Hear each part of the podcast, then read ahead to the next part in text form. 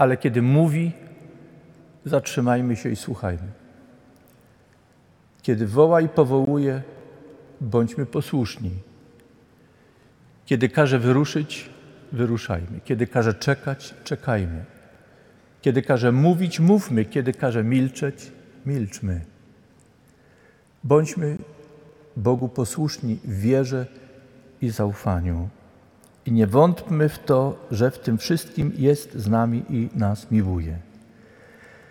Zauważcie coś, co jest w historii zarówno Abrama, Szawła, Szymona i wszystkich, to znaczy także nas. Bóg staje po stronie człowieka i utożsamia się z człowiekiem. Nie zawsze utożsamia się ze słowami człowieka, z czynami człowieka. Czasem jest nas karci. Jest obrzydliwością dla niego to, co czynimy, ale nie porzuca nas ludzi. To jest radosna i dobra nowina. Bóg, utożsamiając się z człowiekiem, staje po jego stronie.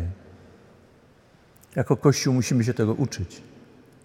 Kościołowi nie wolno stawać przeciwko człowiekowi. Nam w wspólnocie nie wolno stawać przeciwko człowiekowi. I nie wolno błogosławić wszystko to, co jest przeciwko człowiekowi.